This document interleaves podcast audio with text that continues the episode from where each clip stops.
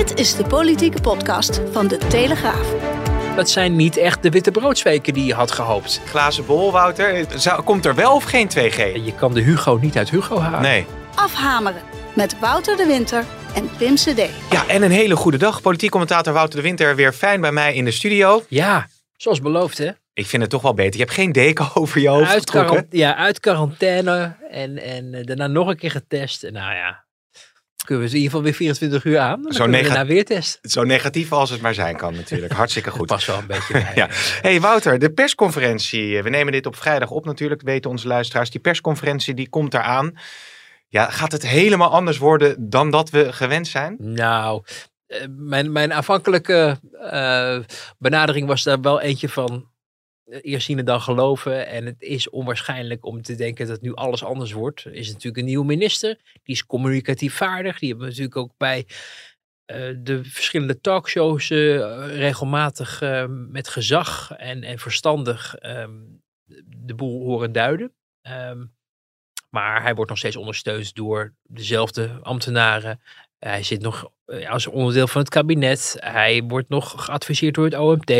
Dus er zijn allerlei ingrediënten, zeg maar, die nog steeds hetzelfde zijn. Maar goed, je kan met verschillende ingrediënten ook weer een andere taart bakken. Misschien Ja. of een andere vorm. Hè? Ja, Eerst is hij rond, dan Nee. is hij misschien langwerpig. Ja. Nou, laten we eens kijken hoe dat, hoe dat gaat. En ik denk ook niet dat die persconferentie, zoals we hem vanavond zullen zien, ik denk dat die anders zal zijn. Hè? Met meer plaatjes en meer uitleg en grafiekjes. Of nou, grafieken zijn trouwens altijd whisky. Hè? Want niet iedereen in Nederland begrijpt wat een grafiek is en hoe je die moet lezen. Maar goed, ze doen daar hun best voor. Maar het kan best, eh, eh, ik maak me er sterk voor dat dit niet het eindstation is als het gaat om de communicatie. En dat men de komende tijd toch ook naar andere alternatieven gaat zitten kijken. Moet je dat nog wel om zeven uur doen op 's avonds? Moet je niet op een andere manier je tot eh, de bevolking richten om de boodschap over te brengen? Ja. Want je zag natuurlijk niet voor niks hoe die, eh, die kijkcijfers ook Hmm. omlaag eh, Hmm. gingen vaak. Hm, Maar de rol van Irma, die hoeven we hier niet te bespreken. Nou ja, die zit nu in een hokje geloof ik Ja, hè? volgens mij is hij niet meer zo pontificaal tussen Hugo en Mark. Misschien omdat het toch te veel afleidt. Dat je toch zeg maar als kijker, zit je toch naar Irma te kijken. Ja, met het hamsteren. hè. Ja, of dat, dat, dat, dat, dat er een wisseling van de wacht is. Of dat, dat, eh, dat Hugo de Jonge, ehm, die keek dan van, hè, Ja. van is, ze, is, is het er klaar voor? En dat, dat, dan ga je er toch weer meer op letten dan dat je naar de boodschap van eh, het kabinet Ja, luistert. ik vroeg me wel af hoe groot zou die, nou die druk op Ernst Kuipers eh, zijn. Want het zal voor hem toch wel een heel belangrijk moment zijn. En nu moet hij daadwerkelijk niet als iemand die van Mhm. alles kan, kan roepen en vinden. Eh, maar echt als de verantwoordelijk het woord gaan voeren. Ja, maar ik, ik, ik, ik kende Kuipers niet als iemand die maar van alles eh, Nee. eh, riep en vond. Daar waren andere mensen van de medische experts een stuk beter in. We noemen geen namen. maar hij, hij hoewel ik bij Kuipers ook wel merkte op een gegeven moment, maar dat is, het is toch de televisie, hoe noemen ze dat bij VI altijd, de televisitis of zo? Televisering? Nee, de televisitis. Dat is Oh, een beetje je- een ziekte dat je, dat je op het moment dat er een, eh, een camera op je gericht staat met enige regelmaat, kijkt Ja. niemand aan in het bijzonder. Ehm 1 en 2 CD. Nou. Maar, maar, maar dat je daar toch een ander. de- de- ja, dat je mensen toch een beetje in zichzelf gaan geloven. En het ook allemaal wel interessant vinden. Dat ze, dat ze aan tafel ineens met allerlei eh, eh, no- notabelen of bekende Nederlanders zitten. Of bekende buitenlanders. eh, en lekker mee kunnen praten over dingen waar ze normaal niet over praten. En dan in de veronderstelling verkeren dat ja. dat, dat het land ook zit te wachten op eh, de duiding van Kuipers over eh, de nieuwe single van René Vroger. Mhm. met, eh, weet je, dus dat, dat, dat, dat was, merkte ik af en toe die- dat hij dat ook wel interessant vond. Maar de core business, en daarom is hij natuurlijk ook tot het ministersambt geroepen. En ik denk ook, maar goed, misschien ben ik iets te positief, want hij zit er nog maar net en misschien moeten we hem eerst eh, zijn werk laten doen. Maar ik heb er wel vertrouwen in dat hij eh, dat op een goede manier kan doen. En dat, Ja. hij, dat hij op een andere manier ook misschien ook een andere toon weet aan te slaan. Waardoor mensen het idee krijgen, hey, ehm, eh, dit is wel interessant om naar te luisteren. ja, zo door naar de inhoud. Maar ik vroeg me alleen af of jij aan die talkshowtafel wel eens ook eh, bent gevraagd over allerlei dingen. Dat je denkt, jemig, welke vraag komt er nou weer op me af? Moet ik hier nou echt wat van gaan vinden? Nou, in, in je zat naast Gordon vorige week. In het kader van de goede voornemens heb ik besloten om, om, om de recensies over andere mensen beperkt te houden tot politiek. Ik denk Ja. dat dat in, in ieder geval mijn, mijn, eh, mijn gemoedsrust eh, een stuk beter is. Maar goed, het is een goed voornemen, dus je weet nooit hoe dat uiteindelijk afloopt. Ehm, maar die wordt heel, ja, je wordt heel vaak, want dat is een beetje het format, hè? Dat je wordt gevraagd vraagt naar dingen waar je geen verstand van hebt. Eva Jinek vraagt altijd over voetbaldingen. Mhm. Dat ik altijd achter me kijk om te kijken of ze misschien iemand anders in het vizier geeft. Maar dat doet ze dan expres om mij te plagen. Uh, maar voor je het weet, ik heb het ook een keer met de kerstreclames gehad. Twee jaar geleden. Dat, uh, dat boven mij ging vragen over welke kerstreclames ik het mooiste vond. Mm -hmm. En Mhm. toen je, dat je denkt, ja, uh, weet ik niet, die ene met die vader of zo. Ja, dus dat, dat ja, Nee. ont, je ontkomt het niet. Maar ik probeer altijd, maar dan moet je maar eens opletten als zoiets gevraagd wordt, om dan uh, net even uh, afgeleid te zijn door mijn buurman. Ja. Om te kijken en een glaasje water te pakken om maar niet Nee. de, een beurt te En krijgen. hopen dat de camera je niet pontificaal in beeld brengt, wat natuurlijk ook nog wel eens kan gebeuren. Ja. Maar we gaan door naar de inhoud. Want het is natuurlijk nu Jij wel... begon, hè? Ja, ik begon. Klopt, klopt. Maar het is natuurlijk nu wel een, een spannend, broeierig moment in de samenleving. Ik las het hoofdredactionele commentaar zelfs bij ons in de krant. Uh, is het wel te verkopen nog dat je zegt uh, de kappers uh, wel open op afspraak, maar de musea niet, de horeca niet, maar de niet-essentiële winkels wel op afspraak? Die, die vraag die, die ga, ik zo beantwoorden. Ik denk dat we wel eerst terug moeten naar de hoofdvraag. Namelijk, hoe heeft het zover kunnen komen? Het is natuurlijk eigenlijk daar misgegaan. Hè? Er is een, een, een paniekerige, paniekerige reactie gekomen op het moment dat besloten werd om uh, de boel allemaal maar dicht te gooien. Uh, want er was Omicron en wie weet wat er allemaal zou gebeuren. En er werd niet meer aan maatwerk gedacht. Nee, alles moest, moest gewoon dicht. Um, en dat was omdat het een onzekere situatie was en niemand wist wat die Omicron variant zou doen. En het, we zaten natuurlijk al in een, en dat is ter vergoelijking van het, van het besluit. We zaten al in een ho hoge mm -hmm. uh, uh, opnamegraad en bezettingsgraad met ziekenhuizen vanwege de Delta variant. Dus we zaten eigenlijk al in de penarie. En vanuit dat punt kregen we iets nieuws. En toen was het van, nou ja, het zekere voor het onzekere. Maar als je dan ziet hoe daar dan afhankelijk het, het kabinet, maar ook de Tweede Kamer, waar we ook wekenlang niks van hebben gehoord qua bijsturingen. Uh, maar we zagen wel dat verschillende politici ook zelf op vakantie gingen uh, en van vrijheden genieten, gingen genieten die ze hun eigen bevolking ontzegden. Want er waren ook gewoon politici die dachten, oh, maar in dat en dat land kan ik wel lekker skiën of in de zon liggen. Of, of... En dat vind ik wel heel erg kwetsbaar, want dan erken je eigenlijk dat het wel kan maar in een ander land. Dus dat het op een veilige manier kan, maar in een ander land. En, dat, en daar maak je dan ook gebruik van, terwijl je de eigen bevolking dat dan ontzegt. Dat is gaan broeien. Mensen gingen de grens over. Mensen gingen naar Duitsland of naar België of naar ver, verdere oorden. Ik zelf ben er zelf ook weg geweest. Terwijl natuurlijk een heel groot deel van de bevolking opgehokt zit. Hm. En, en niet alleen opgehokt zit, maar ook beperkt is. Namelijk niet uh, de eigen zaak kan runnen, niet zijn eigen café kan runnen, niet uh, uh, op het podium kan staan als je artiest bent, of een mu museum kan openen. Dus men zag die beperkingen heel erg knellen, terwijl ja, de, de cijfers genoeg zeiden. dus daar het vertrouwen in het kabinetsbeleid aan zich ja, heeft een behoorlijke knauw gekregen. Ja. En dan vervolgens komen ze nu in de situatie, en dan komen we bij het punt wat je aanraakte. Maar ja, we gaan nu een deel openen en een deel nog dicht laten. Althans, dat is wat we tot op dit moment weten. Uh, ja, dat, je komt dus eigenlijk al uit een achterstandspositie. Want je komt al dat mensen er eigenlijk al niet, geen vertrouwen meer in hebben dat je de goede beslissingen neemt. En dan moet je nu een nieuwe beslissing nemen. Ja, dan is het logisch dat mensen daar eigenlijk automatisch ontevreden over zijn als zij niet tot de categorieën behoren die nu Ja. uh, weer open gaan. En het is niet alleen vanuit de bevolking uh, dat het broeit, maar ook vanuit virologen hoor je nu verschillende perspectieven. Laten we even luisteren naar uh, hoogleraar medische microbiologie Kroes. Ik denk dat je eh, wel kunt stellen, in alle objectiviteit, dat men een vrij zware beslissing heeft genomen uh, in, een, in een vroeg stadium. Waarbij je toch de indruk krijgt dat men in ieder geval niet te laat wilde zijn. Uh, men is een beetje naar voren gevlucht, zou je zeggen. Dat kan gebeuren. Maar als je dat een keer uh, zo doet, dan moet je ook heel zorgvuldig kijken hoe kan ik het beleid op het ja, juiste moment weer aanpassen. Ja, dat is natuurlijk nu de grote vraag. Hoe wordt dat beleid aangepast? Ik zag Wim Pijbers ook, de oud-directeur van het Rijksmuseum, die zegt ja, de IKEA wel, maar musea niet. Ja, maar dat zijn van die makkelijke dingen. Ja, maar toch Wouter, sorry dat ik dat even onder, onderbreek, maar in het verleden kwam misschien, um, nam de bevolking het misschien meer voor lief dan nu. Ik, ik reageer even op Wim Pijbers, die Hmm. een leuke dijenkletser de wereld instuurt, dat iedereen dat kan liken en dan zeggen, oh, wat heeft hij toch weer scherp gezien, die man. Uh, ja, daar hou ik nooit, dat vind ik al een beetje makkelijk. Ik, ik denk um, op zich dat er best iets voor te zeggen is dat je als kabinet um, niet nu ineens alles doet. Uh, omdat we bij eerdere, hè, het is toch elke keer weer een, leerproces, ook voor het, kabinet eh, geweest, welk kabinet er ook zit.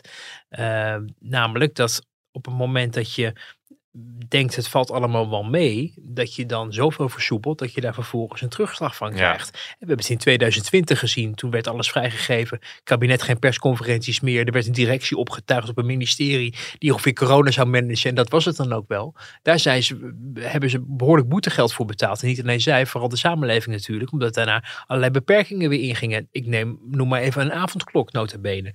Hetzelfde hebben we gezien richting deze zomer, afgelopen zomer, hè? dansen met Jansen, het gevaar is geweken, maken maar een feest van. En mensen die dan ook denken van ja, als het mag van de overheid, dus het kan. Ja. En zelf hun hele eigen verantwoordelijkheid of, of, of, ja, of denken dan uitschakelen. Uh, dus dat het kabinet niet op een moment dat er weer wat mogelijk lijkt, zegt oké, okay, uh, hier heeft u de sleutels van, van het feestcafé, veel plezier ermee. Oh, dat is bijna een ja, dat is, dat, dat zou, Dat is ja. bijna een Wim Pijbusje. Enfin, uh, weet je, dat snap ik wel weer. Alleen, er moet dus vanavond een, een, een verhaal komen wat zich niet alleen maar richt op wat gaan we nu doen, maar ook voor alles wat we nog niet gaan doen. En de, heb je toch weer over het verschrikkelijke woord perspectief. Uh, maar ja, je kan je heel goed voorstellen dat je op een gegeven moment um, en zeer binnen zeer aanzienbare tijd, afzienbare tijd, wel zegt we gaan ook andere dingen doen. Ja. En dat Ja. je daar misschien nu alvast een vooruitblik op moet nemen. Ja. Want het is natuurlijk best moeilijk uit te leggen dat je in een museum of in een notabene een dierentuin uh, kennelijk risico zou lopen. Uh, en dat je dat in een winkel niet zou doen. Nee. Ik bedoel, dat, dat zijn grootheden die je best met elkaar kan vergelijken. Ja, en ik wil natuurlijk weten wanneer ik mijn voucher van Aladdin eh, kan eh, inleveren. Ja, maar dat geheel, geheel terzijde. terzijde. Ja, de druk ja. staat er in ieder geval eh, wel op. Er werd meteen aan eh, justitieminister Jezilgus gevraagd of zij dan wel gaat handhaven als eh, daadwerkelijk bijvoorbeeld winkeliers, eh, nou ja, dat mag dan wellicht, maar als horeca hun eh, deuren gaan, gaan openen. Eh, en ze zei daar eh, dit over. Ja, er zal uh, als, en dat geldt natuurlijk voor elke maatregel, voor elke regel, als we iets hebben afgesproken en je houdt je er niet aan, ja, dan kan er gewoon gehandhaafd worden. Maar uiteindelijk met corona, ja, ik ga het toch tegen u weer zeggen, het gaat ook over onze eigen verantwoordelijkheid en onze eigen rol daarin. Ja, Ja, daar kreeg ze meteen de Tweede Kamer over zich heen. Ja, het is, het is, het is, ik weet niet of het helemaal terecht is, maar er is wel, uh, ook op het departement waren ze niet blij mee, omdat het toch min of meer leek alsof ze zei, ja, mensen moeten het vooral zelf maar Ja. bekijken. Dat is op zich natuurlijk een beetje de liberale aanvliegroute eh, die we in de coronacrisis ook wel vaker hebben gezien en die niet goed is uitgepakt. Hè? We, we hebben een paar maanden geleden natuurlijk nog de legendarische, dat is dan weliswaar geen liberale, uh, maar die, die mevrouw van de ChristenUnie, die, die, die als een Erika Terpstra op achter het spreekgestoelte uh, gilde, als we ons nou allemaal aan de maatregelen houden, dan hoeft dit allemaal niet. En ik denk, ja, dat werkt. De, de, de imitatie van de, de imitatie, ja, maar die heb ik al een keer gedaan. Oh. Maar, maar dat... Maar, dat werkt dus niet. Dus je kan niet helaas vertrouwen op het eigen beoordelingsvermogen nee. van mensen. Je zal er ook niet alleen maar de, de carrot, maar ook de stick moeten hanteren. En de minister van Justitie, die hoop je zou uitstralen van dit zijn de regels zoals we ze hebben, met elkaar hebben afgesproken. En uiteraard gaan we handhaven. Alleen zij ziet ook wel dat er intussen een soort revolutie gaande is Mhm. in alle gemeenten. Waarin allerlei burgemeesters zich ineens koning en koningin wanen. En zeggen nou weet je wat, we gaan niet handhaven. Of we gaan geen boetes uitdelen. Of we laten de winkels open. Of we, ik zeg niet, ik snap het heel goed. Hè, want ik, ik ben persoonlijk ook van mening dat, dat het, als je zegt je wil leven met corona, dat je dat niet doet door de boel dicht te gooien. Dan zal je aanpassingen Hmm. moeten doen aan dingen die open zijn. Maar goed, uh, maar vanuit de overheid een signaal afgeven dat mensen zich uh, aan bepaalde regels moeten houden, dat er gehandhaafd wordt, terwijl er op het andere overheidsniveau de indruk wordt gewekt, nou ja, maakt eigenlijk niet zoveel uit en uh, we staan het wel oogluikend toe. Ja, dat geeft een heel verwarrend beeld ja. voor, voor burgers en wat uiteindelijk ook de geloofwaardigheid van de overheid in zijn geheel, vind ik, ondergraaft. Want als, als, als gezagsdragers zelf al zeggen van, nou ja, het maakt allemaal niet zoveel meer uit, dan, dan moet je niet gek kijken dat een heel groot deel van de samenleving denkt, nou dan maken wij zelf wel uit wat verstandig is. Ja, terwijl het misschien wel te begrijpen is dat ze op, van, op die eigen verantwoordelijkheid hamert. Want je kunt ook moeilijk. Het is denk ik bijna niet te doen als uh, justitieminister om erop toe te zien dat, dat in al die gemeentes allemaal goed gaat. En als er het niet goed gaat, dat er massaal met boetes wordt uitgedeeld. Het is niet, niet uitvoerbaar. Nee, maar er is natuurlijk ook een politiek. Uh, we zitten in een tijd van een nieuwe bestuurscultuur. Er is een, altijd een politiek belang. En het is misschien ook een politieke belang van bepaalde Kamerleden om er gelijk bovenop te springen. Om dan vervolgens te zeggen: kijk nou eens wat, wat, uh, hoe ongeschikt of wat onverstandige dingen de nieuwe minister aan het zeggen is. Dus dat hoort er ook allemaal weer een beetje bij. Uh, maar het geeft ook aan, er is op zich ook wel helemaal niks mis mee, dat een nieuwe minister uh, zich goed moet realiseren dat woorden ertoe doen. Niet alleen maar als het gaat nee. om narigheid rond bedreigingen, maar ook dat je als minister, en dat, is, dat gebeurt overigens wel vaker hoor, daar, dat hoorde je wel vaker ook bij andere kabinetten de afgelopen decennia, dat een van de dingen waar nieuwe bewindspersonen aan moesten wennen, was dat alles wat zij zeiden heel ja. relevant werd gevonden ja. ineens. Ja. Terwijl als je geen minister bent, je veel vrijblijvender natuurlijk, zeker als Kamerlid, dingen kan roepen zonder dat je ze hoeft waar te maken. En dat deed je Zielkes natuurlijk ook wel. Die zat natuurlijk in talkshows en die liet zich natuurlijk het een en ander ja. ontvallen. Woorden doen ertoe, zei ja. uh, Sigrid Kaag natuurlijk ook nog uh, recentelijk. Dat is zeker uh, waar. Maar vind, wat vind je eigenlijk van die rol van die burgemeesters die over elkaar heen buitelen oh. en daar eigenlijk wel heel optimistisch van zeggen van ik begrijp het allemaal wel, ja dat de horeca open gaat en zo. Ja, ik vind het heel, ik vind het echt onbegrijpelijk van die burgemeesters uh, dat zij um, op deze manier en zo arbitrair, maar uh, bijna onverantwoordelijk uh, zich ineens opwerpen als wij zullen wel even de stem van het volk laten horen. He, ieder zijn verantwoordelijkheid. Natuurlijk moet een burgemeester goed aanvoelen wat er in haar of zijn stad uh, gebeurt. En natuurlijk moet je daar vooral, denk ik, achter de schermen en af en toe voor de schermen, uh, daar ook uh, ja, mensen over in kennis stellen. Alleen op het moment dat allerlei verschillende burgemeesters gaan uitstralen dat de regels zoals die zijn afgesproken en die ook zijn goedgekeurd door de Tweede Kamer eigenlijk niet meer toe doen, ja, dan ondergraaf je de geloofwaardigheid ja. van het overheidsbeleid. Ja. En, en dat is, uh, en je ziet het op verschillende niveaus. Hè. Je ziet uh, bij, in Valkenburg is het winkelen geblazen. In Alblasserdam is het feest. Uh, de burgemeester van Amsterdam, mevrouw Halsema, heeft een interview gegeven aan het FD waarin ze zegt geen 2G. Waarin ik denk, ja, het is allemaal leuk en aardig, maar daar ga jij niet over. De Tweede Kamer gaat goedkeuren of afkeuren dat er 2G-beleid gaat komen. Dat is onze volksvertegenwoordiging. Zij is geen volksvertegenwoordiger, zij is daar neergezet en zij doet iets op basis van wat misschien lekker valt in haar stad of in haar college, want er komen verkiezingen aan.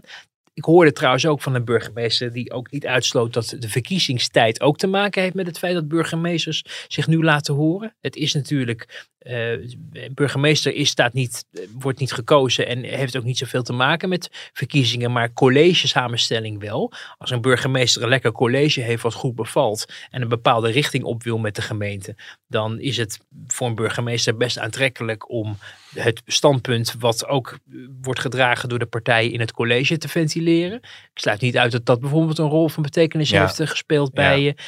uh, haar afwijzing van, uh, van het 2G-beleid. Want um, het is uiteindelijk niet aan haar. En als je nu al als burgemeester zegt 2G is onverstandig. En stel nou dat de Tweede Kamer gaat besluiten op, op, op voordracht van het kabinet. Ja, en, en, en dat 2G-beleid is de, is de law of the land, zoals we. Dan weten we al dat degene die dat in Amsterdam moet gaan bewaken, altijd eigenlijk geen vertrouwen in heeft. Ja, wat zegt dat in het, in het enthousiasme eh, waarmee ondernemers, maar ook Amsterdammers zelf, zich nog achter zulk beleid zullen ja. willen scharen. Lijkt wel een beetje een traditie vanuit Amsterdam, toch? Ja. Die liggen wel vaker overhoop ja. met de landelijke en, overheid. En de BOA's, en ook de politie, maar vooral de BOA's, die mogen de rekening uh, betalen. Want die zijn degene die worden geconfronteerd met weigerachtige Amsterdammers of, ja. of, of import Amsterdammers of bezoekers. Die denken, ja, maar goed, je eigen burgemeester heeft het al afgekeurd. Nee. Dus uh, wat, wat sta je nou interessant te doen uh, ik, ik zag je boete? Ik, zag, ja, ik, zag, ik zag je trouwens, ik weet niet of dit een beetje een uh, side topic, maar een, een, een tweet te delen van een recensie van Angela de Jong van het AD over M. De al een gehele conclusie op het eind. Discriminatie op grond van seksuele geaardheid en genderidentiteit is een duidelijk probleem in Amsterdam. Daarvan verwacht ik urgentie van een wethouder diversiteit. Ja, maar ik uh, vind het een beetje flauw als u nu zou doen alsof we dat niet zouden hebben. Ik denk dat de burgemeester en ik eigenlijk vanaf het moment dat we aangetreden zijn... een hele ambitieuze agenda hebben neergezet. Een hele ambitieuze regenboogagenda hebben neergezet. Maar dit regel je niet in een dag. En iedereen die suggereert dat dat zo is, die liegt. Nee, dat nee maar dus, dus maar wat het, zou maar, toch kunnen? Nee maar, ik ben, nee, maar ik ben het dus echt met u oneens. Groot Wassing, die is natuurlijk diversiteitswethouder in Amsterdam... Daniel van Dam, een collega van ons, die zit er bovenop, want er was een WOP-verzoek ingediend. Ja. Wat er nou precies uh, speelde rondom ja, het feit dat toch veel geweld tegen homo's vanuit allochtone afkomst is. En hij was toen heel slecht bereikbaar toen dat onderzoek naar buiten kwam. Hè. Ja. Zat in Kroatië, geloof ik. Ja. En Ja. bij M is dat aan bod gekomen. Ja. En was uh, Margriet van der Linden heel kritisch op uh, Grootwassing. Maar ik zag dat jij dat deelde. Ja. Waarom? Dat vroeg ik mij nog even af. Nou, omdat ik, ik me vaak herken in de, in de duiding die Angela geeft. ik over dacht in, wat ze- de, in, de, in M. Margriet van der Linden. Oh nee, nee maar dat goede voornemen van mij. Oh ja, ik probeerde juist geen recensies te geven over mensen buiten de politiek. Dus ik moest, ik kan dan niet al iets over Margriet van der Linden en dat verschrikkelijke programma van haar zeggen. Alleen, dat laat ik Angela dus doen. Ja, ja. Althans, ik laat haar het niet doen. Ik, eh, ik, ik, ik dacht, ik, ik retweette, want ik vond het gewoon een, een leuk verhaal. Uh, maar dat was natuurlijk niet om aan te zien, uh, die uitzending. En de, de, reden waarom ik het deelde is omdat zij heel feilloos opschreef wat er gebeurde. Namelijk dat het een, een soort monoloog was richting de GroenLinks-wethouder. Die gewoon een heel erg slecht verhaal heeft. Laten we het wel wezen. Daniel van Dam, onze collega, heeft dat via een WOP-verzoek natuurlijk mooi boven tafel gekregen. Dat hij zegt van zeg maar dat ik moeilijk bereikbaar ben. En zo natuurlijk buitengewoon pijnlijk voor een bestuurder als er apps op straat komen te liggen waarin je ziet hoe, hoe en dat gebeurt natuurlijk gewoon achter de schermen, maar nu Hmm. zien we het zwart op wit staan, hoe, hoe, hoe de media daarmee de samenleving en eigenlijk ook de gemeente gaat om, uh, om de tuin wordt geleid. Dus Um, ja, ik vond dat eigenlijk wel, wel, wel ja, het was een mooi verhaal van, van Daniel. En uh, dat heeft uiteindelijk toch ook, ook uh, vleugels gekregen. Want het is vrij breed opgepakt uiteindelijk. Zelfs in het parool, wat eerst nog wat terughoudend was. En vervolgens moest die, die Rutger Groot-Wassink, die de lijsttrekker is voor GroenLinks. En uh, in, in, in Amsterdam en waarschijnlijk de verkiezing ook gaat verliezen. Ehm, die moest dan uh, verantwoording komen afleggen. En die denkt, nou, in dat diversiteitsfeestje uh, bij, bij M komt dat allemaal wel goed. Maar Margriet had, uh, die had zo haar eigen opvattingen over wat er gebeurd was. Dus nou, dat, dat heeft Angela opgeschreven. En daar Ja. heb ik, dat vond ik leuk opgeschreven. Ja, oké. ja, dat is... eh, ik, vond- ik vond Even het- een ik vond zijpad, dames en heren, omdat het gewoon kan. Ja, dat kan Maar- gewoon. Dat kan ja. gewoon, zeker. Dames en heren, ik nodig u zo dadelijk uit de eed of de verklaring en belofte af te leggen. Zo waarlijk helpt mij God Almachtig. Zo waarlijk helpt mij God Almachtig. Dat verklaar je en ontjit ik. We hebben hier aan het begin van deze week in de studio ook gestaan. eh, waarin eh, de bordesscène was natuurlijk. En alle ministers en staatssecretarissen de eet hadden afgelegd. In het Fries ook natuurlijk, eh Aukje de Vries. Ehm, maar wat. Met een V, hè? Hè? Aukje de Vries met een V. En Aukje- ze deed in het Fries met een F. Inderdaad, ja. Dat is dan toch wel Toen weer... ik dat zo zei, dacht ik van, nou, dat is inderdaad zo. Ja. ja. Maar tjoch, hè. Maar hoe, hoe, wat, zijn je, wat zijn je eerste indrukken, Wouter, deze, deze week? Eh, Is het- nou, niet. Ik vind, ik vind geen beste indruk. Nee? Nee, nee, nee. Nee, nee, nee, nee. nee ik vind het, eh, eh, als je ziet wat er, dat kunnen ze overigens eh, zelf niet alles meer aan doen hoor. Want, ik bedoel, de erfenis van het vorige kabinet. eh, maar als je ziet wat er, wat er eh, gebeurt rond Groningen, nou, dat is wel echt een puinhoop hoor. En dat is de erfenis van het vorige kabinet. Enerzijds die, die, die idiote eh, wachtrijen van mensen die allemaal om, kennelijk om geld moeten vragen. Ja, En, en het is een heel lelijk beeld. Eh, terwijl ja, als jij 10.000 euro gratis kan krijgen, dan ga je er wel even voor in de rij staan. Dus, eh, maar goed, BZK, Binnenlandse Zaken, heeft dat geregeld. Iedereen denkt, het is EZ, maar het is Binnenlandse Zaken die dat hebben, gewoon heel slecht hebben, hebben doordacht. Wat wel beeld het geeft. Op het moment dat mensen die druilerige, eh, de koude winter, het- was gelukkig nog droog, maar al die oude mensen met, met rollators en mapjes onder hun arm. Het was echt een verschrikkelijk beeld. Tel daarbij op die brief natuurlijk van minister Blok, die dan ehm, ter elfde uur op de laatste week voor dat het kabinet er nog zit, zegt van nou ja, we gaan toch maar eh, wat meer eh, Gronings gas winnen. Ook een heel erg lelijk beeld. Zeker omdat het een van de grote werken van het vorige kabinet was, waar ze zo ontzettend trots op waren. Namelijk, we gaan de, de, de gaswinning naar nul terugbrengen. En dan kom je een week voordat je weggaat. Oh ja, trouwens, we gaan toch weer meer winnen. Er wordt overigens nog steeds benadrukt vanuit EZ dat het, eh, het uit oorspronkelijke plan van die afbouw nog steeds staat. En dat er dus wat dat betreft geen man overboord is. Alleen het is, ze zijn de, de, ja, de publiciteit, Hmm. ehm, eh, oorlog hebben ze verloren. Omdat het een totaal andere indruk geeft. En het, die Groningers, die nog steeds, waarvan veel mensen nog steeds op die ehm, compensatie zitten te wachten. ehm, eh, ook niet meer geloven wat er allemaal wordt gecommuniceerd. En dat het op tijd ophoudt met die gaswinning en dat soort dingen. Dat mensen zich gewoon genaaid voelen. Nou, onder dat gestermte moet dan Hans Veilbrief, de nieuwe staatssecretaris, eh, proberen om ja, de geest weer in de fles te krijgen. Ja, lijkt me heel moeilijk. Ander punt was natuurlijk dat rare verhaal wat Ankie Broekers-Knol achterliet. Namelijk een brief sturen over ze, ga- ze gaat dit of dat eh, doen en daar is dan geen juridische basis voor met betrekking tot asielopvang. Eh, ja, dat is ook wel een heel ja, pijnlijk. Hè, eh, Ministers of staatssecretarissen van justitie moeten geen brieven sturen waar geen juridische basis voor Hmm. is. Hm. Ik bedoel, dat, daar begint het toch. over. Als we dat, dat ministerie al niet kunnen vertrouwen. Met, met goed doordachte, doortimmerde juridische eh, voornemens, eh, onderbouwing of wat dan ook. Ja, welk ministerie dan nog wel? Ja. Dus dus dat, dat, dat straalt niet lekker op de club af. Dan vervolgens corona, waarin je ook ziet dat zij toch de, ja, ja, in een situatie die ze zelf niet hebben gezocht, maar waar ze nu wel voor op worden afgerekend. En dan ook de minister-president, want die was er namelijk wel bij. Hè? Kuipers was er nog niet bij. Maar de minister-president was wel verantwoordelijk. En Hugo de Jonge, maar die zit nu op een andere post, voor het feit dat het hele land op slot Ja. ging. Kortom, dat zijn niet echt de witte broodsweken die je had gehoopt. Hè, het ging al heel snel niet meer over hoe leuk en sprankelend is, is eh, Robert Dijkgraaf. Ja, maar dan is het toch lastig als je eh, een, een doorstart maakt, in ieder geval eh, met dezelfde partijen. Want als je nou een heel ander kabinet bent, kun je, kun je zeggen van ja, maar ja, dat Ja. is die vorige club geweest. eh, Daar hebben we nu niks meer mee te maken. Maar ja, zij zijn er rechtstreeks mee verbonden natuurlijk. Ja, nee, zeker. En dat, en, en, en dat, dat maakt het dus ook eh, extra pijnlijk. Hè? Ik, we hebben eh, ook een minister van Economische Zaken, Mickey Adriaansens. Ehm, die is eigenlijk de pleitbezorger voor de winkels, maar ook voor de horeca. Ja. En die heeft wel de horeca ontvangen, begreep ik.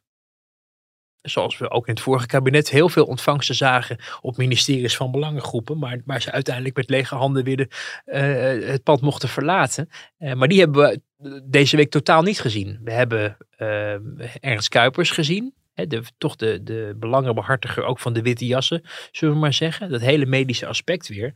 Maar eh, en we hebben Robert Dijkgraaf gezien die een lans brak voor het onderwijs. En dat hij ging vechten om het onderwijs weer open te krijgen. Kijk, dat zijn dingen waarvan je denkt, nou, dat is in ieder geval duidelijk waar ze Ja, staan. ja. De minister van Economische Zaken heb ik nergens gezien of gehoord. Nee. Net nieuw, geef er nog even de tijd. Het doen wij ook hoor. Alleen het zijn wel van die eerste inleidende dingen dat ik denk, nou, we hadden misschien ook wel Ja. eh, nu iets uit die hoek eh, willen horen. En weet je wat, wat ik persoonlijk toch wel weer, eh, ja, aandoenlijk is misschien niet het goede woord, maar leuk vond om te zien ook wel, was dat Hugo de Jonge heeft natuurlijk een social media kanaal, eh, veel bereik, et cetera. En die is met dezelfde geestdrift en enthousiasme begonnen aan zijn nieuwe ministersklus om het hele woondossier vlot te trekken. En toen dacht ik, waar, ja, die, die energie van die man, dat is, dat is natuurlijk tomeloos. En, dat, en die positiviteit, dat, Ja. dat straalt er natuurlijk echt vanaf. Ja, Ja, de kop is eraf, de start is gemaakt en het is fantastisch om hier ja, zo warm te worden ontvangen. En meteen aan de slag te kunnen met een, met een, een fantastisch team aan hele capabele en, en deskundige mensen. De eerste grote opdracht is volkshuisvesting. We moeten met meer regie, met meer tempo, meer woningen bouwen. Ik denk dat we allemaal mensen kennen die ja, snakken naar een nieuwe woning. En ongelooflijk aan het zoeken zijn, er maar er niet in slagen. En ja, dat is een extra drive om met alle energie die ik in me heb aan de slag te gaan om te zorgen dat we meer gaan bouwen. Ja, nou ja, dat, dat, dat, dat is zoals hij is. Ja. En eh, zoals iemand eh, die, die, die, die, die dicht bij hem staat wel eens uitlegde. eh, je kan de Hugo niet uit Hugo halen. Nee, nee. Je krijgt, het is de full package, inclusief de schoenen. Maar hoewel ik deze week ook weer met Onno Hoes sprak van de Nederlandse Vereniging van Makelaars. En dat woondossier, dat wordt natuurlijk ook nog wat. Want in het laatste kwartaal van vorig jaar zijn nog nooit zo weinig nieuwbouwwoningen gerealiseerd. Nou ja, sinds lange tijd in ieder Mhm. geval. Dus die zou ook vol aan de bak eh, moeten. Eh, de doorberekeningen, Wouter, die moeten we natuurlijk ook nog wel even eh, bespreken. Want dat Ja. is ook van deze week. Ja. Het zat er deels wel aan te komen. Doorberekeningen van, eh, Van het coalitieakkoord, het, ja. van het Centraal Planbureau. Ja. Ehm, door de inflatie is die koopkracht slecht, zou je bijna kunnen zeggen. Bijna Ja. niemand gaat erop vooruit en gepensioneerden erop achteruit. Ja. Maar goed, dat is iets wat voortkomt uit door de, door de inflatie. Ja. Dus dat, dat kan je ehm, niet de coalitie op dit moment kwalijk nemen. Je kan de coalitie wel verwijten, denk ik, dat het moeilijk is uit te leggen dat je tientallen miljarden steekt in van alles en nog wat. Maar dat het gaat, als het gaat om het dagelijks leven van mensen, wat ze in hun portemonnee overhouden, dat ze dan op de nul worden gezet. Of, of zelfs als ze in de oudere categorie vallen, eh, mogen inleveren. En zeker voor die oude categorie is het natuurlijk heel kwetsbaar, omdat die Ja. al, al jarenlang er niet op vooruit gaan. Ehm, en dat is iets wat ons trouwens allemaal raakt. Als het gaat om de, over de, de pensioenen, dan zullen jij en ik uiteindelijk ook daarvan de negatieve gevolgen merken. Alleen is dat de gedachtegang, omdat wij nog jong zijn, eh, hè, of middel, van middelbare leeftijd, hebben wij nog de ruimte om mee te genieten van eventuele economische voorspot die de pensioenpot meer zou vullen. En daar kan de huidige oudere generatie, die heeft die ruimte niet meer, want die moet het doen met wat ze hebben. Daarom is, zijn ouderen ook boos. Die lieten ook deze week weer van zich horen, eh, vanuit verschillende coalitiepartijen, ook bij ons Ja. in de krant. Een stuk van Martin, Martin Visser. Ehm, maar het is natuurlijk heel pijnlijk dat er, dat er ehm, wel heel veel geld wordt uitgegeven. Maar dat mensen die mm, denken dat ze daar ook iets in hun portemonnee van zullen merken, dat die van een, een koude kermis thuiskomen. Ja. En eh, dat is een kwetsbaarheid die denk ik de komende week eh, ook aan- naar voren zal komen in het debat. Eh, en dan gaat het dus over eh, het koopkrachtplaatje. Eh, maar er zitten natuurlijk ook dingen over eh, eh, een, kap op de zorguitgaven. Men wil eh, jeugdzorguitgaven ook wil men geld besparen. En, en dat zijn dingen waar je als oppositiepartij natuurlijk wel raad mee weet. Ja, want je hebt natuurlijk de algemeenheden waarin eh, gewoon eh, gehakt wordt gemaakt van het nieuwe kabinet. Maar als je het bijvoorbeeld over die AOW hebt, dat was dat verhaal van eh, Martin Visser, dat het minimumloon geloof ik wel stijgt en de bijstand ook, maar de AOW dan achterblijft. Is dat meteen een punt waar de oppositie beet gaat krijgen om toch die AOW Nou, de komende jaren mee te laten dat- stijgen? ik sluit niet uit dat daar nog iets gaat veranderen. Want je moet Ja. het uiteindelijk wel door het parlement krijgen. En ze hebben in de Senaat geen meerderheid vanuit de coalitie. En die moet je wel, je zag bij Nieuwsuur al dat daar waarschuwende woorden werden geuit eh, door, door in ieder geval de PvdA. Eh, ja, 21 zat er ook wel stevig in, maar gaf ook wel ruimte om misschien te onderhandelen over andere zaken, toch een beetje uitruilen. Hm. Eh, maar dat zou op het asielbeleid moeten. Nou ja, daar, daar, dat ligt zo gevoelig in de coalitie dat je niet weet of dat nou het onderwerp is waar ze eh, over uit zouden kunnen komen. Het is nog niet zo ver dat zo'n voorstel nu al in het parlement ligt en helemaal, helemaal niet nog in de Senaat. Dus er kan nog een heleboel gebeuren in de tussentijd. Ehm, maar het is wel een van de onderwerpen waarvan je ziet dat niet eh, nou, dat de coalitie daar kwetsbaar op is. Ja. En, en misschien ehm, het plan van tafel moet vegen of moet aanpassen. En dan volgende week eindelijk weer debatteren. Hè, over, dat is echt, dat heeft vooral met corona, dat heeft gevoelsmatig zo lang geduurd, terwijl het land in, in crisis verkeert. Ja, bizar. En er was ook een hele brief hè, van Vera Bergkamp, waarin ze zei, eh, naar aanleiding van de afgekondigde maatregelen rond de lockdown, dat ze opriep op het alles, alle contacten, alle beperkingen, of alle ontmoetingen en, en de reisbewegingen te beperken, en de debatten te beperken en de hele zantenkraam. Dat je bij jezelf denkt, ja, het is niet zo dat ons land nou de afgelopen 1, 2 jaar te maken had met een parlement dat wet na wet aannam eh, na goed debat en beraad. Nee, het land zit al een tijdje op slot vanwege de verkiezingen en vanwege die eindeloze formatie. En wat gaat het parlement doen op het moment dat er een nieuw kabinet zit? Nog maar eventjes eh, rustig aan. Denk ik, ja.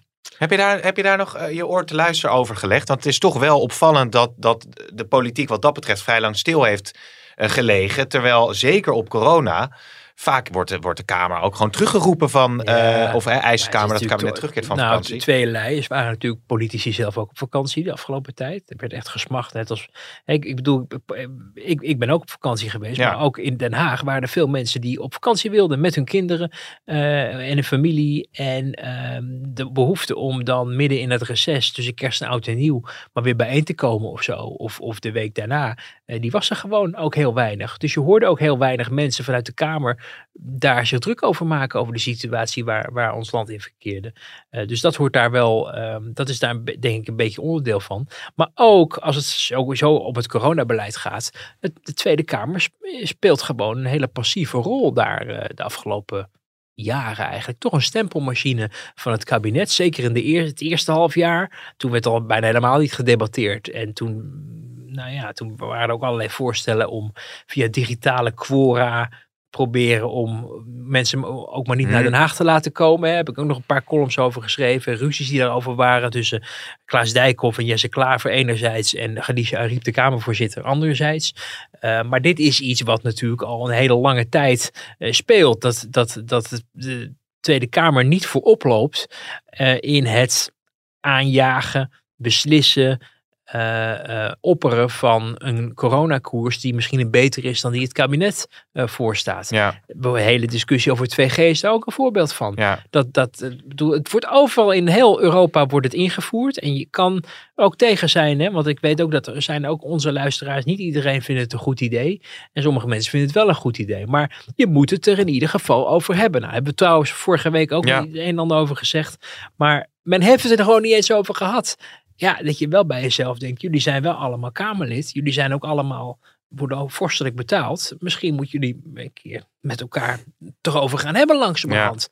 En in plaats van maar weer wachten en hopen dat de storm overtrekt. En nu hoor je die hele discussie van ja, eh, is het nog wel nodig? Want je kan toch besmet raken als je, als je gevaccineerd bent. En misschien komt van uitstel maar weer afstel. Maar ja, ik vraag me af hoe een kabinet vanavond of anders de komende weken tot een, een, een doorvrocht openingsplan kan komen.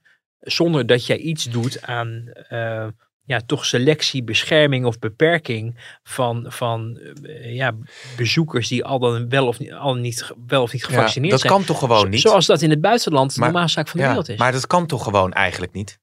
Je kunt toch bijna niet alles eh, openen zonder dat je inderdaad een bepaalde vorm van selectie hebt. Of het nou via testen is of wat Ja, dan ten- ook. Maar tenzij iedereen het straks heeft gehad. Alleen het gaat natuurlijk om. En eh, Maarten Keulemans van de Volkskrant had daar net weer een interessant tweetje aan gewijd, zag ik. Wij denken nu het valt allemaal wel mee met Omicron. Ja, en mensen komen niet in het ziekenhuis. Omdat een heleboel mensen gevaccineerd zijn. Stel je voor dat je dat vaccin niet had gehad. Dan was, Ja. het, eh, was de ellende waarschijnlijk niet te overzien geweest. Je ziet voortdurend ook getallen uit de Verenigde Staten van het CDC, het Amerikaanse RIVM en de staatjes over het, mensen, het aantal mensen dat in het ziekenhuis ligt ten opzichte van het aantal mensen dat niet gevaccineerd is en die, die nu de Omicron daar. Dat is echt enorm. Die verhouding is gigantisch. Ja. En, en ja, je zou denken, je, je ontkomt bijna niet aan iets van een gremium wat een soort schifting zal maken tussen wie kunnen we toestaan om in grote groepen bij elkaar te zijn. Niet zozeer om mensen uit te sluiten, maar om ze te Ja. beschermen. Dat ze Ja. niet in het ziekenhuis Ja. komen. Ja. Glazen bol, Wouter. Ik durf het, ja, zou, komt er wel of geen 2G in Nederland? Ja, ik, ik vind het lastig. Vervelend, moeilijk daar- is dat, hè? Ik Ja. wil daar eerst even ook even goed. eh, je hoorde nu, de Kamer wilde het nu vooral niet over hebben de afgelopen weken. Ehm, we zullen moeten kijken wat het kabinet daar vanavond over eh, zegt. Ik hoorde vanuit de coalitie wel al geopperd worden van als jij zegt we willen de boel wel open, maar dat doen we alleen maar op voorwaarde dat we dat met 2G kunnen openen. Ja. Dus dat je de bal eigenlijk bij de Tweede Kamer legt. Hè, dat is, zou een bouwde eh aanvliegroute zijn om dit voor elkaar te krijgen. Maar het is misschien niet helemaal onwaarschijnlijk, omdat je kijkend naar het buitenland, hè, niet denken dat Nederland een eiland is, maar kijken naar het buitenland, dat daar toch wel, met uitzondering dan misschien van Groot-Brittannië, maar ook in de Verenigde Staten, allerlei verplichtingen, eh, zeker vanuit de overheid. Hè. Bedrijven hebben, daar heeft de Supreme Court nu nee tegen gezegd, maar dat je vanuit de overheid mensen, het leger vraagt dat ze zich moeten inenten, leraren eh vraagt dat ze zich laten zorg. inenten. Eh, ja, dat, dat, dat is wel iets wat. ehm, ehm, waarvan ik me afvraag of je, er, of je zonder kan. Als jij Ja. denkt dat je toch dingen wil gaan openen. Heel benieuwd hoe dat verder gaat. Tot slot misschien nog heel eventjes. eh, de fractievoorzitters eh, van CDA, VVD en D66. Hè, die zijn natuurlijk ook eh, vorige week of deze week benoemd. Het is wel enorm eervol om van, van 23 collega's, tweede partij van Nederland zijn we natuurlijk, eh, dat vertrouwen te krijgen. Dus dat vind ik heel mooi. Ja, ik denk dat er veel vertrouwen is, dat er ook veel verwachtingen zijn. Dus dat voelt ook wel als een druk en een verantwoordelijkheid om dat ook waar te maken. Maar ik vind het natuurlijk wel ontzettend fijn dat ik eh, ja, unaniem de steun van de collega's heb. Dat is wel het beste om mee te kunnen beginnen. Nou, we hadden Jan Paternotte al eh, voorspeld dat dat een Ja. grote kans eh, zou zijn. Ja, en we hadden dit zou Sigrid Kaag worden. met Financiën ook al voorspeld trouwens. Ja, u hoort het als eerste in Ja, afhameren, mensen. maar wa- wa- wat verwacht je een beetje van Heerma, Hermans, eh Paternotte en hun rol? Nou, ja, ik, ik ben, eh, denk ik, ik vind Paternotte nog het meest spannende. Ja. Omdat ik denk dat hij, ehm, hij zat natuurlijk niet aan tafel. Ehm, die anderen wel, Heer, Heerma en Hermans wel. Die hebben natuurlijk daardoor ook een grotere loyaliteit in datgene wat ze binnen kamers hebben afgesproken. Ehm, ik denk bij Paternotte is er ook nog iets anders wat interessant is. En dat is dat hij, eh, het ik zag het ook al her en der al een beetje opduiken in, in media, eh, toch een soort zoon van Pechtold eh, wordt beschouwd. hij komt uit de Pechtold school, is ook onder Pechtold naar Den Haag gekomen. En deelt volgens mij ook uh, zijn visie op de politiek. Maar ook over hoe D66 in elkaar zou moeten zitten. Mm. Dat is niet per se dezelfde manier waarop veel andere van zijn fractieleden of Sigrid Kaag uh, tegenaan Wat is het verschil? Um, nou, toch meer van een, een, een weliswaar progressief, maar niet zozeer door woke en andere iemand die toch wat realistischer in de wedstrijd zit. Meer van het redelijk alternatief dan dat de hemel bestormen van we gaan uh, iedereen enorme klimaatmaatregelen door de strot duwen. Ook al kost je dat je, huis of zo. Of, uh, het, het, meest belangrijke wat wij nastreven is dat uh, meer oude paren 935 kinderen kunnen adopteren. Ik chargeer nogal. Ja. Maar ik, ik bedoel wel, ik, ik hoorde ook onder Pechtold al frustratie bij bepaalde leden van de D66-fractie en daarbuiten. Dat D66 zich aan het ontwikkelen was tot een partij die heel erg op, op, op bij, ja, ik, luxe problemen, dan, dan dat doe ik geen recht aan hoe erg het is voor sommige mensen. Maar dat het oog wel erg op de Ja. bijna de decadente bal werd gelegd, terwijl er pressing matters waren die meer aandacht Mm. verdienden. En ik denk dat, dat Paternotte iemand is die wat dat betreft wat meer met de benen op de grond staat. En dan dat hij de hele dag bezig is, maar Mm. waar kan ik nog een regenboogvlag op zetten? Ja. Snap Ja. je wat ik, ik bedoel? Ja, dat iets minder genderneutrale toiletten en eh, iets meer hervormingen. Ja. Ehm, overigens, is er iemand heel erg teleurgesteld nog, denk je? Want hij was unaniem gekozen. Ik dacht Sjoerd Sjoerdsma, eh, die eh, heeft. Ja, maar die is, die is echt beschadigd. die is uitge... Ja, maar, die maar die is- heeft natuurlijk wel een enorme staat van dienst binnen die partij. Zeker, zeker. Eh, en hij heeft de verkiezingen gewonnen met een goede campagne. Hij is Dus campagneleider ik dacht, zou die dat nou niet stiekem ook hebben geambieerd? Ja, maar dan moet je wel de, de handen op elkaar krijgen van de rest van, je, van, je, van de fractie. En reken maar, en van de partij trouwens ook wel. Reken maar dat er boosheid was over de hele drankroddel. Waar die Hmm. toch ook aan hem wordt gelinkt. Omdat hij eh, eh, ja, dat, ja, toch onderdeel van eh, lijkt te zijn geweest. En er ook geen publieke verantwoording over heeft willen afleggen. Ooit, ever. Eh, maar ehm, ehm, dat is dus een, een aspect. Ik heb wel al eerder opgemerkt dat Paternotte vanwege zijn optreden in de coronacrisis, hè, was woordvoerder coronabeleid, eh, opviel eh, in en rond de partijtop van D66. Van een reizende ster die de goede toon wist aan te staan, zijn nek durft uit te steken. En progressiviteit vertaald niet door de dingen die je net hebben benoemd, maar ook om gewoon dingen voor elkaar te krijgen. Verge- vergis je niet dat het grote succes van Alexander Pechtold en Wouter Koolmees destijds, toen zij nog in de oppositie zaten, was dat zij eh, ervoor zorgden dat er dingen mogelijk werden gemaakt in Nederland. Dat er meerderheden ontstonden. Voorstellen die weliswaar uit VVD en PvdA kwamen. En die zijn met wat, wat, much hè, wat, wat, wat, wat, wat snoepgoed ook voor de cultuursector dan eh, hè, in ruil daarvoor de, de, de, de- die voorstellen aan de meerderheid hielpen. Maar dat, dat het, het mogelijk maken eh, en het, ehm, eh, het van stilstand naar vooruitgang gaan ook een vorm van progressiviteit is. Ja. Als het gaat om bijvoorbeeld hervormingsbeleid. Er zijn een heleboel hervormingen dus ook doorgevoerd dankzij de steun van D66. Omdat zij dachten, daarmee hebben onze kiezers ook het idee dat er wat gebeurt. En dat wij daar noodzakelijk voor zijn. Dat bleek ook. En dat was met tandenknarsen van VVD en PvdA ging dat gepaard. Want die zagen dat D66 als een soort kingmaker werd gezien. Terwijl zij, eh, hun ministers, allemaal eh, eh, door de, de, de kooltjes uit vuur moesten halen. Maar ehm, het, het her- hervormingsbeleid, ehm, die, ook die hele corona-benadering. Hij is een, Paternotte is een, eh, warm voorstander van, van 2G. Niet omdat hij het leuk vindt, maar omdat hij denkt het is nodig. Daarvoor je nek durven uit te steken. Dat, dat zijn elementen die, ehm, die ook tot progressieve politiek kunnen worden gere- gerekend. Zonder dat je Ja. eh, ja, in, in, in bepaalde luxe ehm, eh, Ja. overwinningen verzandt. Ja. Wouter, ik dank jou. We gaan het allemaal zien volgende week. het wordt ongetwijfeld een mooi politiek weekje. Ja, denk ik denk, het, is, het is toch een beetje algemene beschouwingen. Hè? Ja. We beginnen eigenlijk weer van vooraf aan met, met, met alles. En eh, nou, ik, ik denk dat dat eh, heel spectaculair wordt. Hè? We zagen een klein voorproefje natuurlijk eh, toen, de, toen het, het debat was met uh, Koolmees en Remkes over het, het verslag. Dat ze klaar waren met, met de informatiepoging. En nu komt het echt op de inhoud af. En nu zal je dus ook zien welke aanvalslinie de oppositie eh, heeft geformuleerd de afgelopen weken. Want we hebben er niks van gehoord. Ik ben hè, noblesse oblige zou je zeggen. Ze moeten nu wel echt met een goed verhaal komen. En wij eh, zijn er weer bij. Wouter, dankjewel.